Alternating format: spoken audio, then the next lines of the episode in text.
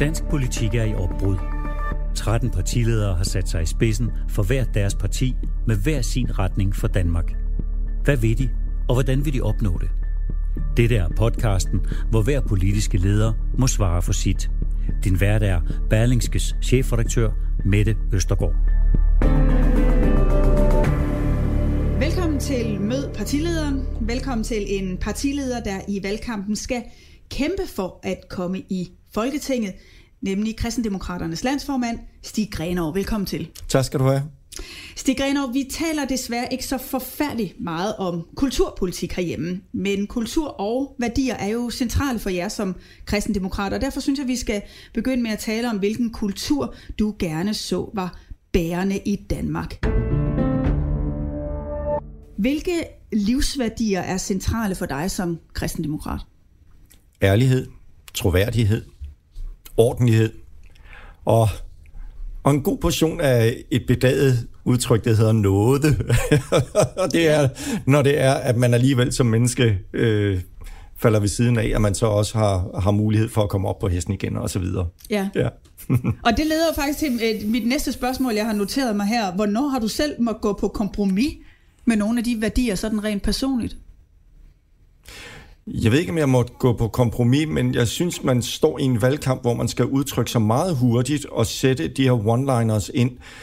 Bliver nødt til at, at forklare sig så skarpt, så alle nuancer, de forsvinder.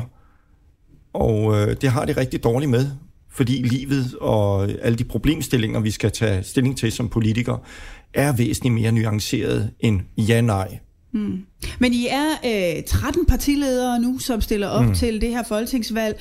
Øh, vælgerne har jo også brug for at kunne fornemme forskellene på jer, og hvad I virkelig brænder for. Og det er vel også derfor, der opstår et behov for at udtrykke sig meget klart om, hvad der er visionen. Jeg skal gøre mit bedste for at udtrykke mig klart. Men det, der irriterer mig, er, at når ting ikke kan stå på, på 170 tegn, så er det næsten lige før, at, øh, at man slår over på øh, konkurrentens kanal. Og øh, det, det kan nogle gange, der, der kan jeg godt føle, at man ligesom nogle gange er nødt til at gå på kompromis med det, man egentlig havde på hjerte. Nu nævner du så de værdier med ærlighed og troværdighed, ordentlighed. Øh, hvornår synes du, der bliver gået på kompromis med de værdier i det politiske landskab i dag? Det gør der mange steder. Øh, når det drejer sig om øh, mennesker, der er hjemløse, øh, når det drejer sig om øh, den måde, vi taler om øh, mennesker. Nu er jeg lige ved at bruge ordet fremmed. Jeg bryder mig ikke om det, fordi det er igen sådan en meget stor blandet gruppe af flygtninge. Øh, mennesker, der har boet her i mange generationer, bliver nogle gange af, øh, i talesat som værende fremmede, på trods af, at de er tredje generations danskere. Øh, men, men den i talesættelse, den bryder jeg mig ikke om. En menneske har værdi, fordi det er et menneske, ikke fordi det leverer eller præsterer nok og vi skal tale respektfuldt om hinanden. Og som jeres partinavn siger, så tager I udgangspunkt også i kristendommen. Ja. Øhm, og Danmark er jo et kristen land. Det står i grundloven. Mm-hmm. Øh, det går også igen i en, en stor del af vores kulturpolitiske lovgivning. For eksempel er det beskrevet, at det i DR's programflader skal være tydeligt, at vores samfund bygger på folkestyret og har sin rod i kristendommen. Mm. Vil du gerne have, at vores kristne islet stod endnu tydeligere meget i vores gerne, lovgivning. Meget gerne. Altså vi går jo til valg på det gode liv, og jeg skal lige sige, at vi er ikke et religiøst parti, men der er de værdier, som vi har beskrevet i vores principprogram, og dem har vi taget ud fra, fra det kristne liv som menneskesyn.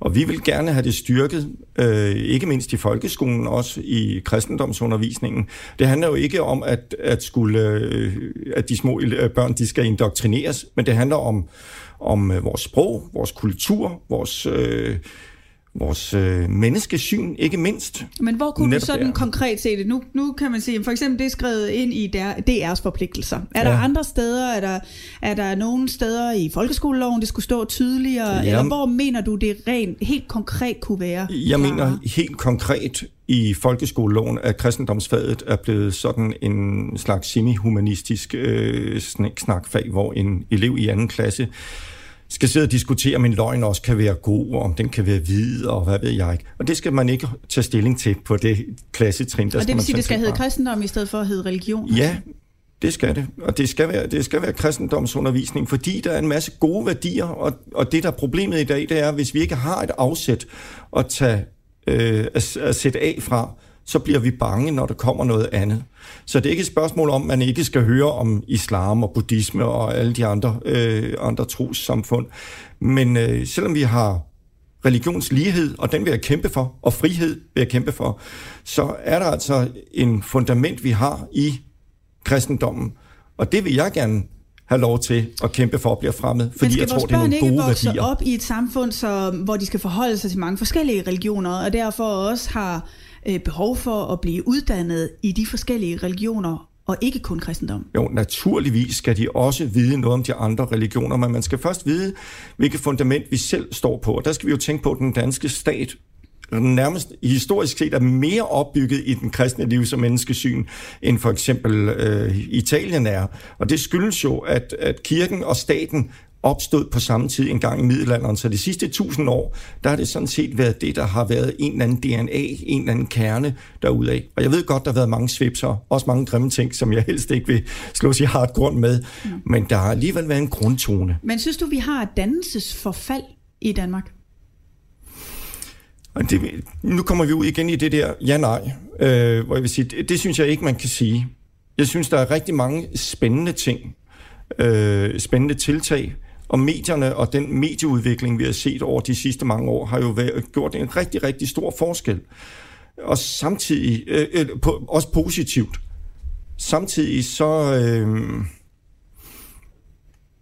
så vil jeg mene, at, øh, at øh, da, øh, dannelsesforfaldet bliver til, bliver til, når det er, man tror, at alt er lige fedt. Faktisk er det, når man tager alle værdier skal vælges lige, ingenting må være bedre end andet, så mister vi faktisk denne her dannelse. Øhm, og det handler for mig ikke om, om man giver hånd, eller om man, øh, hvordan man går klædt. Nej. Men helt konkret kan man jo netop sige omkring at give hånd. Øh, det er jo en del af vores skik og vores kultur. Vi ja. giver hånd, når vi møder andre mm. mennesker. Nu er det så også blevet en del af vores lovgivning, ja. at man skal give hånd for at blive ja. dansk statsborger. Synes du, man bedst overfører de danske værdier ved at lovgive om at give hånd? Nej. Det øjeblik, hvor du har været nødt til at lovgive om danske værdier, så er det ikke længere værdier, så er det love. Øh, så det synes jeg ikke, man skal. Jeg vil selv, og føler selv, når det er en anden person ikke vil give mig hånden, at det er uforskammet. Men det er jo, fordi jeg lever i den kultur i dag. For 100 år siden havde vi, øh, havde vi jo øh, faktisk en helt anden kultur, hvor man ikke gav hånd. Vil det så betyder det, at du, at du vil arbejde for at rulle den lovgivning tilbage jeg som synes, en del af Blå Blok? Den er dybt unødvendig, og jeg synes faktisk, at, som jeg sagde før, har du først gjort det til en lov, så er det ikke længere et spørgsmål om at opføre sig ordentligt. Lad os prøve at bringe nogle af de her værdier ind i sådan lidt mere politisk øh, terminologi. Øh, Søren Pind sagde for nylig, at som borgerlig, så skal man være konservativ over for sig selv, men liberal over for andre. Hvad mener du om det udsagn? Det var egentlig meget godt sagt. Hvorfor er det ikke mig, der har sagt det? Men hvis man skal være liberal over for andre, det, det betyder jo også, at der er i hvert fald en del af de øh, traditioner, øh, som øh, kirken har, som jeg synes er interessant at diskutere med dig. Mm-hmm. Øh, for eksempel, hvis man er liberal over for andre, bør alle præster så vi homoseksuelle? altså, punkt et, jeg stiller op til Folketinget, ikke som biskop eller pave. Så, Ej, men derfor er det vel øh, centralt ja, for men, jer at have ja, det en er det nemlig, til den type det er det nemlig.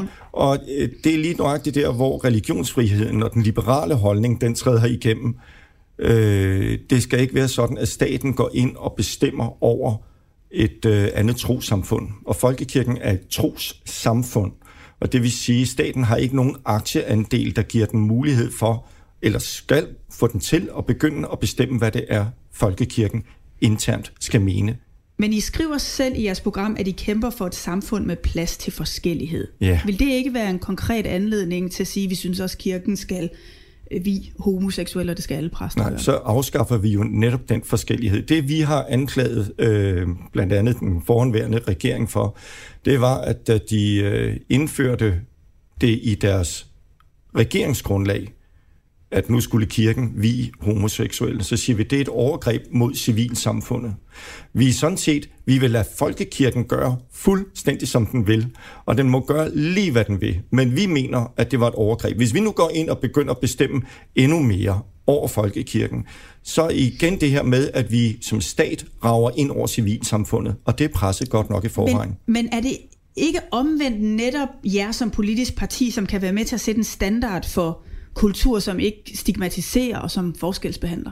Jeg mener ikke, at det er stigmatiserende. Vi har så mange andre holdninger øh, i vores menneskeliv. Du synes ikke, at det er forskelsbehandlet? At, at, at jo, det er der, men, men du ved også, at øh, hvis det er, at man... Øh, hvis nu jeg var en homoseksuel par, og jeg gik hen og sagde, du skal vi mig som præst, og jeg vrider armen rundt på det menneske, der står der, så kunne jeg så stå og have et surt menneske, så som ja, så du Hans, der står ved din side til ægte, eller sådan noget. Men hvad er meningen? Hvorfor? Det er jo kun for at volde min holdning, i givet fald som homoseksuel, ned over et andet menneske, der har en anden holdning. Og det er jo retten til at tro og tænke og tale, som er en af vores grundlæggende valgtemaer i KD, vi kommer ind på her. Og det handler ikke om de homoseksuelle, det handler heller ikke om den præst, og du kan være enig eller uenig med den præst, og det vil jeg give dig kæmpe for din ret til. Det vigtige er, at vi giver friheden, og vi holder nallerne væk Staten skal ikke gå ind og bestemme over religions- og tros- og meningsfriheden. Det gælder både religiøse og ateister og alle andre i dette samfund. Og dermed øh, må du også synes, at det er i orden, at nogle mandlige præster ikke vil give kvindelige præster hånden. Ja, jeg synes det igen, for før som personligt, vil jeg ikke føle det var særlig... Øh, særlig rart, men øh, jeg vil give dem deres frihed. Men kan du ikke se det paradoxale i, at vi lovgiver om, at man skal kunne give hånd for at få dansk statsborgerskab, men vi tillader jo. en folkekirke, hvor mandlige præster ikke behøver at give hånd til jo, kvindelige præster. det kan jeg sagtens se, og du har fuldstændig ret, og derfor er det jo også grotesk, at man har lavet en lov om, at man skal give hånd for at blive dansk statsborger. Det er ikke, hvad der... Men kan man ikke også omvendt sige, øh, hvorfor skal folkekirken ikke følge med i, hvordan vores samfunds øvrige principper øh, er, når vi trods alt har så høj grad af ligestilling mellem kønnene, som vi har? Så kan det virke underligt, at man siger, at det er okay, at der er mandlige øh, præster, som ikke skal kunne give, eller som ikke giver kvindelige øh, præster mm. hånden. Altså, vi har, øh, vi har også en ligestillingslov, som ikke gælder for folkekirken. Synes du, det er okay? Jeg synes, det her er okay. Det er faktisk helt, helt centralt, at vi skal ikke gå ind og bestemme over de menneskers tro. Hvis vi gør det, så for det første, så er vi som stat igen, og det mener jeg er en generelt øh, tegn i tiden, at staten den, og markedet breder sig ind over civilsamfundet generelt. Hvis vi går ind og lovgiver over en kirke, hvad de skal gøre og ikke gøre, så har vi afskaffet det her kirkesamfund, og vi risikerer faktisk, at den rummelige folkekirke, som vi har i dag, den splittes. Men vi betaler skat til folkekirken, den er en del af vores ja. øh, lovgivning kan man så ikke sætte nogle forventninger til, at den følger med i, hvordan en stor del af befolkningen synes, man bør omgås hinanden derunder og give hånd til kvinder? Ja, det er jo så det, jeg starter med at sige. Vi har ingen aktieandel som stat i kirken. Det er rigtigt, kirken står i grundloven, og den understøttes af staten, men om man er medlem af den danske folkekirke, det bestemmer man altså selv. Det er ikke, det er ikke noget, som staten Men kan det bestemmer. ikke være med til Og så skal jeg lige sige, det er lidt kompliceret med, med, med de der tilskud, for faktisk så betaler staten øh, kirken, folkekirken for at lave nogle ting. Øh, for eksempel er der ikke nogen mennesker, der får lov at ligge oven på jorden, hvis det er, de dør, uanset om de er medlemmer eller ej. Og der er noget med nogle kirkebøger og nogle andre ting. Og det gør den udmærket, og det gør den billigt folkekirken. Så lad nu være med at rykke med noget, som foregår godt. Mm. Men et er økonomien i det, noget andet er jo tilslutningen til folkekirken, hvor færre og færre bliver medlem af folkekirken. Tror du ikke, at det er medvirkende, hvis man ikke kan se sig selv i den kultur, der bliver ført? Jo, men der er heller ikke nogen, der kræver, at man skal gå hen i kirken og blive gift. Og det vil jeg da også forsvare til hver en tid, at der skal da ikke være sådan, at man, der er statstvang til at være medlem af en, øh, altså ikke en, på den vis en statskirke, vi har, og det skal det heller aldrig være. Det er frivilligheden, for det er et trosamfund. Sigrino, vi lukker ned for det emne i øh, den her omgang, og, øh, og går videre til det næste. Stig Grenov, I kæmper for at komme i Folketinget. Øh, I sidste meningsmåling fik I 1% af stemmerne. Man skal som bekendt have 2% for at mm. blive valgt ind. Øh, og det på trods af, at I jo har nogle værdier, som mange danskere, i hvert fald som kulturkristne, kan ikke genkende til. Hvorfor har I ikke større opbakning? Oh, det er et godt spørgsmål. Der var jo en, en undersøgelse, der viste, at hvis man ikke vidste, at vi var kristendemokrater, så ville vi få 8% af stemmerne. Men der er så mange... folk vender sig simpelthen mod religionen i det? Er det, det du ja, tror? men Danmark er et meget mærkeligt land, fordi vi jo netop, som du selv var inde på, sagde, at Danmark er et kristent land, øh, og over 70 procent af medlemmer af Folkekirken, og tilslutter sig i hvert fald i den forbindelse de grundlæggende værdier, som vi står med, og som vi står for. Øh, og samtidig så øh, er jeg ude for, at der også er unge mennesker, der siger, men, men, men jeg vil gerne se dig i Folketinget, men, men hvorfor stiller du op for kristendemokraterne. og det er, det er en grotesk... Øh, det er lidt som om, at vi har lidt religionsfobi i Danmark. Øh, forstået på den måde, at hvis, der nogen, hvis man tager de værdier ind, netop som jeg fortæller om, du har ansvar for dig selv og din næste. Du kan ikke bare gå forbi. Øh, vi har ansvar for den jord, vi har fået overgivet og levere den bedre til næste generation, end vi selv fik den jamen, så, så er det ligesom om, så, så slår folk korsets tegn for os og kommer hvidløg i lommerne. Jeg ved ikke, hvad der er, det gør det. Mm. Men det må vi ændre ved. Det lykkes i Sverige. I ja, Sverige er, ja. de, er de rent faktisk et politisk parti, som bliver regnet, og hvis jeg lægger mærke til det fra sidste kommunalvalg, fik vi massiv fremgang, både i Hedensted, Ringkøbing Skjern ikke mindst, hvor vi fordoblede øh, Herning, Bornholm, hvor det blev sværere at få et mandat, fordi man indskrænkede antallet af pladser. Men lad os lige prøve at tage det svenske eksempel. Ikke? Fordi de ja. svenske kristendemokrater, de var inden det seneste svenske valg, de var også nær udslettelse. Og nu mm. ligger partiet så skyhøjt i meningsmålingerne. Der er mange, der mm. mener, at det entydigt skyldes den 32-årige partileder, Ebba Busch Thor. Mm. Øh, hun har brudt med tabuet om ikke at ville samarbejde med Sveriges Demokraterne, mm. øh, som vel nærmest det eneste øh, svenske parti i øvrigt. Og nu stjæler hun vælgere fra Sveriges Demokraterne. Lige nu ligger hun til omkring 10-12 procent af stemmerne i, øh, i Sverige. Når de svenske kristendemokrater altså lå, ligesom I gør, i nærheden af spærregrænsen øh, inden valget, men nu er eksploderet i målingerne for det, så er der ikke til at tænke over, om I herhjemme kunne forsøge at blive sådan en korrektion til den nuværende udlændingepolitik ved at samarbejde med Nye Borgerlige eller Dansk Folkeparti. Nu vil jeg sige, at vi får masser af god inspiration fra Sveriges Demokraterne og Kristelig Folkeparti i. Norge. Mm, ja. øh, så, så absolut, vi arbejder sammen der også. Men øh, øh, forholdene i Sverige og i Danmark er væsens forskellige. I Sverige har man taget over 300.000 flygtninge. Det er, det er virkelig så meget, som man kan sige, hvis du har en robåd, der er plads til 100 mennesker.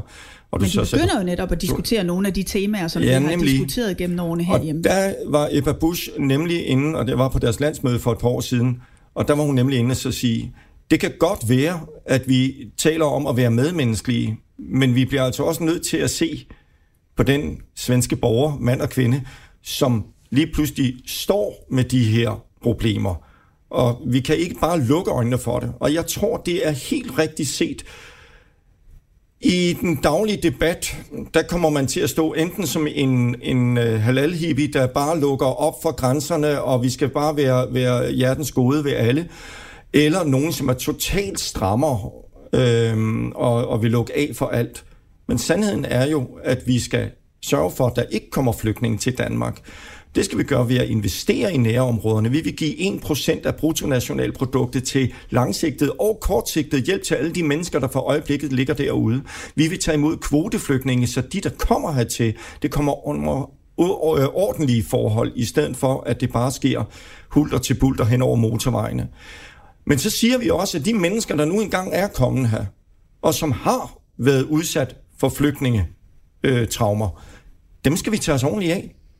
Så det er jo ikke et spørgsmål om enten eller. Jeg tror netop, at Sveriges, øh, de svenske øh, øh, øh, kristdemokrater, de har formået det her med at behandle mennesker ordentligt, og alligevel sige, det handler ikke om, at vi skal åbne grænserne fuldstændig. Så, og så kan jeg faktisk godt lide deres initiativ med at sige, vi kan samarbejde med alle, der vil ved KD-politik. Sådan har vi det også. Så skulle det være, at nye borgerlige kommer ind, og de har et eller andet sted, hvor det er, at vi er enige med dem, så er det ikke sådan, at vi sidder og rynker på næsen og siger, dem vil vi ikke røre ved. Selvfølgelig vil vi da det. Det vil selvfølgelig også betyde, at der vil være en uh, diskussion om, hvilken udlændingepolitik I skulle føre, hvor stram mm. den skulle være. Uh, og det taler vi videre om om et øjeblik, men først så skal vi have den her korte lynrunde, som vi har i med partilederen. Det betyder, at jeg stiller dig 10 korte spørgsmål, som du må svare ja eller nej til. Og selvom du allerede har tilkendegivet, at det synes du er et dårligt koncept, så vil jeg høre dig, om du er okay med det. Det går nok. Godt. Lad os begynde. Er der grænser for næstekærlighed? Nej. Er det et problem, at folkekirken bliver ved med at miste medlemmer? Og man må ikke sige pas. ja. Så er der en læser, der spørger, øh, var det en fejl at fjerne blasfemiparagrafen i 2017? Ja. Kan du pege på andre end Lars Løkke Rasmussen som statsminister? Nej. Skal der gøres mere for at fremme ligestilling i Danmark? Ja. Er du for en samtykkelov som følge af diskussionen om voldtægt? Hmm. Du spørger mig om noget, jeg ikke helt er inde i, men som jeg forstår det, og som jeg hører vores justitsminister, så bliver jeg nødt til at sige ja, forsigtigt. Mener du, at vi har brug for flere udlændingestramninger? Nej. Er du for højere miljøafgifter for at fremme klimadagsordenen, Ja. for eksempel afgifter på kød og flyrejser? Ja. Skal dagpengeperioden være konjunkturafhængig, så perioden veksler alt efter hvilken økonomisk situation Danmark Ja. står i? Hvis I ikke kommer i Folketinget denne gang, er du så stadig formand for Kristendemokraterne? Ja. Så kom vi igennem 10 spørgsmål, Ja. uden at det gjorde alt for ondt. Ja. Lad os tale lidt om øh, udlændingepolitikken. Øh, på jeres hjemmeside som fremgår det, at I mener, at flygtninge skal ud på arbejdsmarkedet, så snart de har afgivet en asylansøgning. Mm-hmm. Øh, dermed så går I vel imod tankegangen i det paradigmeskifte, som de øvrige borgerlige har indført, hvor arbejde og uddannelse netop ikke skal tælle med i vurderingen af integration. Hvorfor synes du, det er vigtigt at komme i arbejde fra dag 1? Der er jo ingen af os, der har en spåkugle, om vi kan se ud i fremtiden, hvordan der kommer til at ske i Syrien, eller om det iranske præstestyre lige pludselig bryder sammen, så de ikke forfølger deres, øh, deres mindretal. Øh, og derfor så må vi se i øjnene, at de her mennesker efter al sandsynlighed vil blive her i rigtig mange år. Hvis vi venter med at integrere de her mennesker, så holder vi dem ude i øh, en situation, hvor de ikke kommer ind i civilsamfundet, hvor de ikke bliver en del af det øvrige samfund, og vi risikerer, at de her mennesker bliver til parallelt samfund.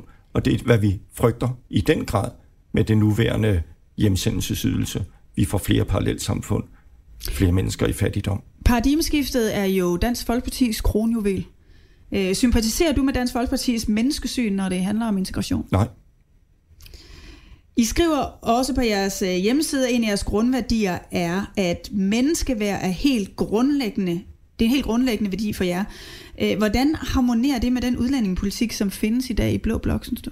Den harmonerer rigtig dårligt. Det er det, vi skal ind og hjælpe øh, Lars Løkke Rasmussen med. Han skal læse sit eget principprogram, hvor i der står, at mennesker er Men det lyder som en svær kamp, eftersom at udlændingepolitikken øh, for det første er noget, der er konsensus om, skal være stram, øh, også hen over midten, øh, og har været en, en grundsten i, i dansk politik i mange år efterhånden. Du skal ikke være i tvivl om, at det eneste, som de øvrige blå partier har rigtig respekt for, det er hver en stemme, der går til kristendemokraterne. Og hvis vi kommer ind, hvor vi siger, at det ikke holder, handler ikke om, at vi skal bare lukke op for, for alle mennesker i hele verden, men vi behandler mennesker ordentligt, så har det sendt så kraftigt et signal, til de begynder at finde ud af, at de har mistet stemmer til KD. Hvilken del af udlændingepolitikken vil du egentlig gerne lempe? Ja, vi skal for det første have øh, flygtninge. Øh, de skal op på en ydelse, der svarer nogenlunde til øh, kontanthjælpsydelsen. Øh, og det er simpelthen for at få, en, få dem op på et niveau, hvor de har bare en mulighed for at blive en del af samfundet. Så skal der mange andre ting til. Vi skal arbejde med det civile samfund og sørge for at komme ind. Det kan vi komme ind på måske lidt senere. Mm. Men, øh, men det vil være den første og den mest klare del. Fordi fattige børn skaber fattige unge og fattige voksne. det bliver både en økonomisk belastning, men mest af alt, det kommer til at gå ud over det gode liv for så mange mennesker. Og det kommer til at ramme os alle sammen. Så er der spørgsmålet om, hvem vi skal hjælpe. Mm. Øh, er det vigtigt at huse nogle end andre? Øh, Venstremand øh, Markus Knudt skrev i en ny bog, der udkom her i foråret, at han godt kunne forestille sig, at vi primært tog imod kristne flygtninge. Uh-huh. Øh, og på jeres egen hjemmeside, der skriver I, forfulgte kristne i udlandet skal have lettere adgang til asyl i Danmark. Ja. Derudover skal vi sikre, at ingen forfølges på baggrund af deres tro i Danmark. Mm. Øhm, hvorfor vil I gøre forskel på mennesker på flugt? Det er godt, du nævner det. Ja, det er anden gang i dag, jeg bliver konfronteret med den. Og lad os lige få slået fast, hvad det handler om. I dag er det sådan, at der er mennesker, der er afvist fra at få opholdstilladelse, som sendes retur til lande, der forfølger kristne. Og derfor er vi inde og påpege det her i den kontekst, og det tror jeg, jeg er nødt til at præcisere inde på hjemmesiden. Det handler specifikt om, at der er mennesker, vi i dag sender retur til Kina, til, til uh, Iran, hvis det var, man ellers kunne få det igennem til, til krigsområder i Syrien.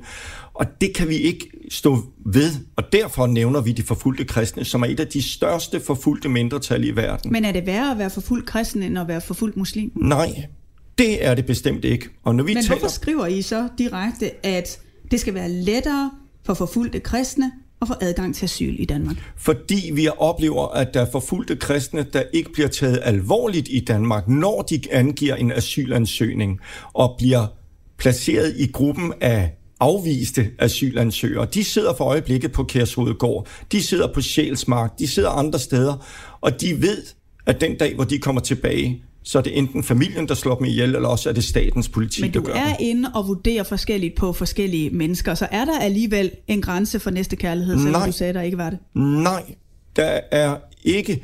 Der, hvis der kommer en muslim her, som er forfulgt, eller en ateist, eller en homoseksuel, eller hvad ved jeg, en yazidi-kvinde, der ikke kan komme tilbage, fordi hun er blevet voldtaget og mistet æren, eller hvad ved jeg, så har de nøjagtigt samme status. Så forstår jeg ikke behovet for at skrive det i jeres program.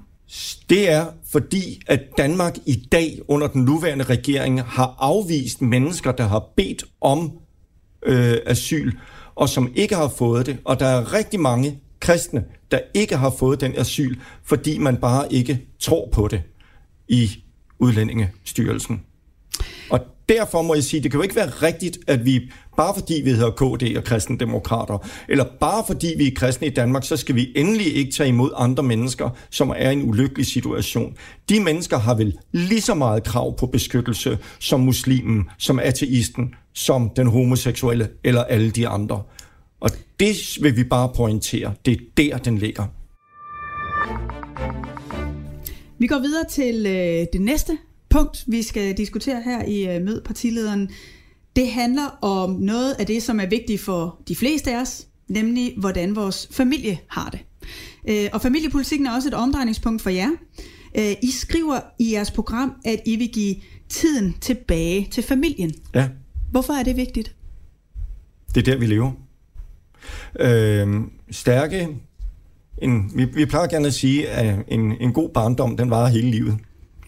Øhm, vi tror på, at øh, vi lever egentlig ikke for vores lønseddel. Vi lever faktisk for de relationer, som vi har til vores kammerater, vores venner, vores forældre, vores børn, bedsteforældre. Øh, så derfor er det vigtigt at styrke det civilsamfund. Vi ved, at børn i stabile opvækstforhold har bedre karakterer.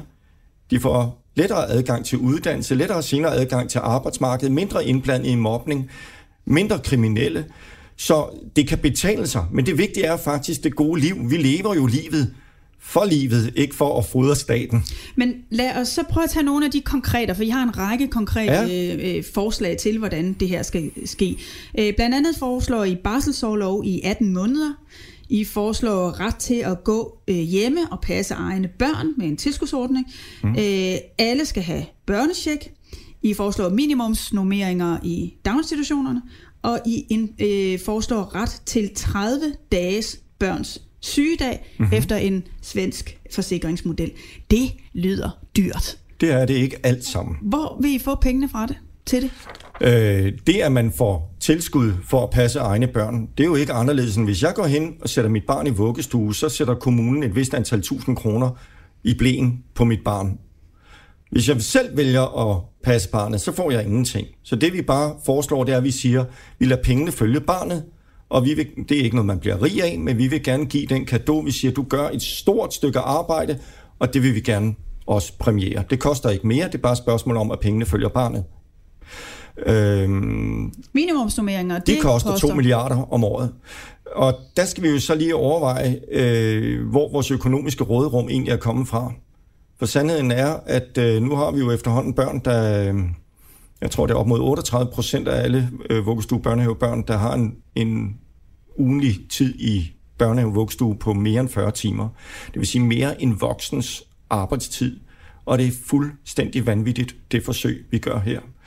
Og, øh, det Men det godt, hjælper minimumsnummeringerne vel ikke på, altså øh, nej. antallet af timer, de er i daginstitutionen? Det kan du have ret i. Det er jo så det har du sådan set ret i. Det handler jo i højere grad om, at vi skal give mulighed for fleksibilitet og gå ned i tid og gå op i tid.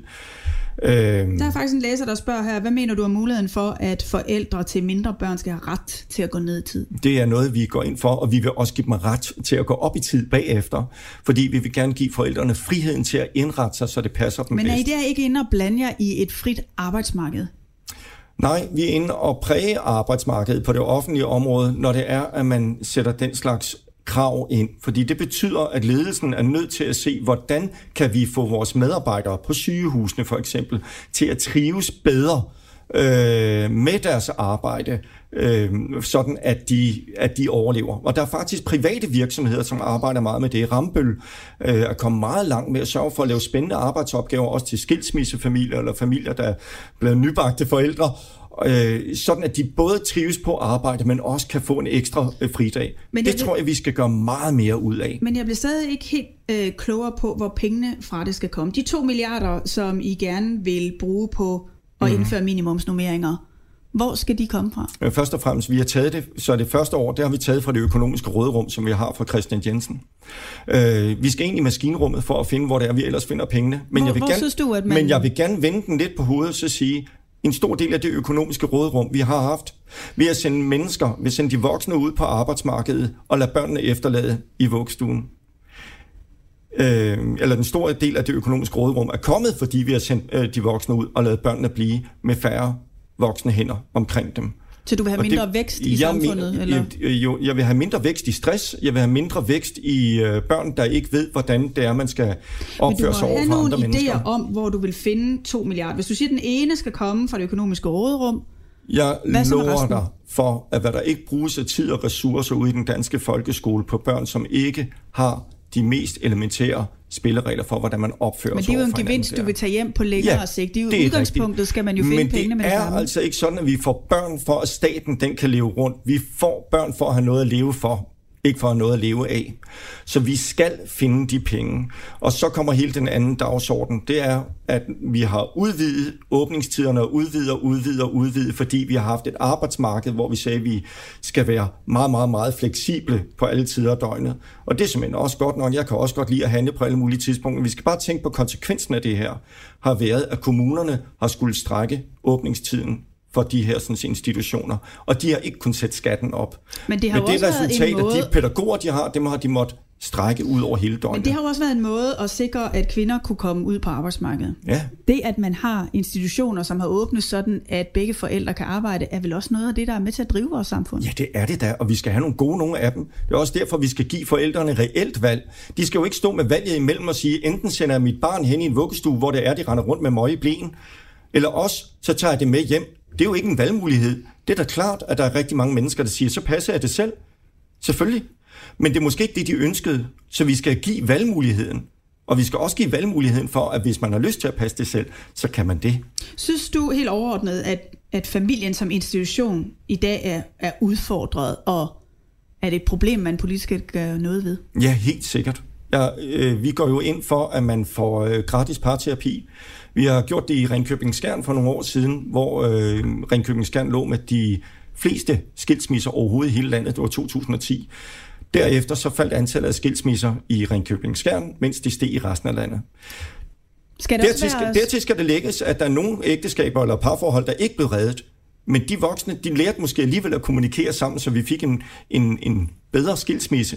Og det betyder noget for børnene, og nu er vi tilbage igen men synes du også, at det lovgivningsmæssigt skal være sværere at blive skilt, end det er i dag? Jeg synes, det er rigtig, rigtig fint, at øh, et bredt folketingsflertal har gået ind og lukket hønsene ind igen, og sat en, en, øh, en grænse for, hvor hurtigt man kan blive skilt. Altså en tid til refleksion. Vi sætter farten ned på vejene ind i byerne for at undgå ulykker. Det kunne vi også godt gøre det andet sted. Og jeg synes faktisk, at det også burde gælde parforhold, hvor det er, at man ikke har børn. Så det var alle fordi relationer er det vigtigste for os.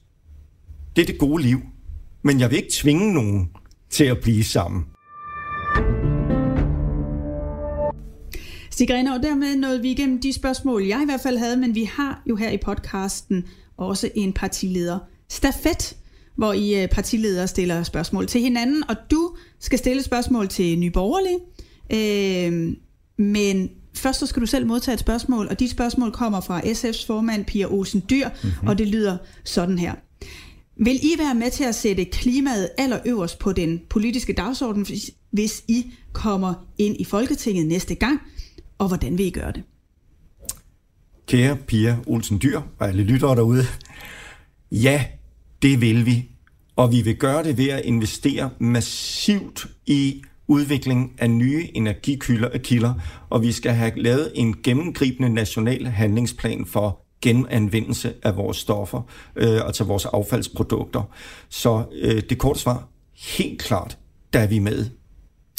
Og tak for det, og dermed så får du også lov til at stille dagens sidste spørgsmål øh, til øh, Nye Borgerliges øh, Pernille Værmund. Hvad vil du gerne spørge hende om? Jeg vil gerne spørge Pernille Værmund om, hvordan hun vil finde de mange penge til sygehuse og skoler, når hun samtidig vil spare så mange milliarder i skat. Så bliver jeg nødt til at lige stille et, et sidste øh, opfølgende spørgsmål, fordi mm. der er jo en del af de, du øh, hører til i Blå Blok, du siger, du vil pege på en blå statsministerkandidat. Mm.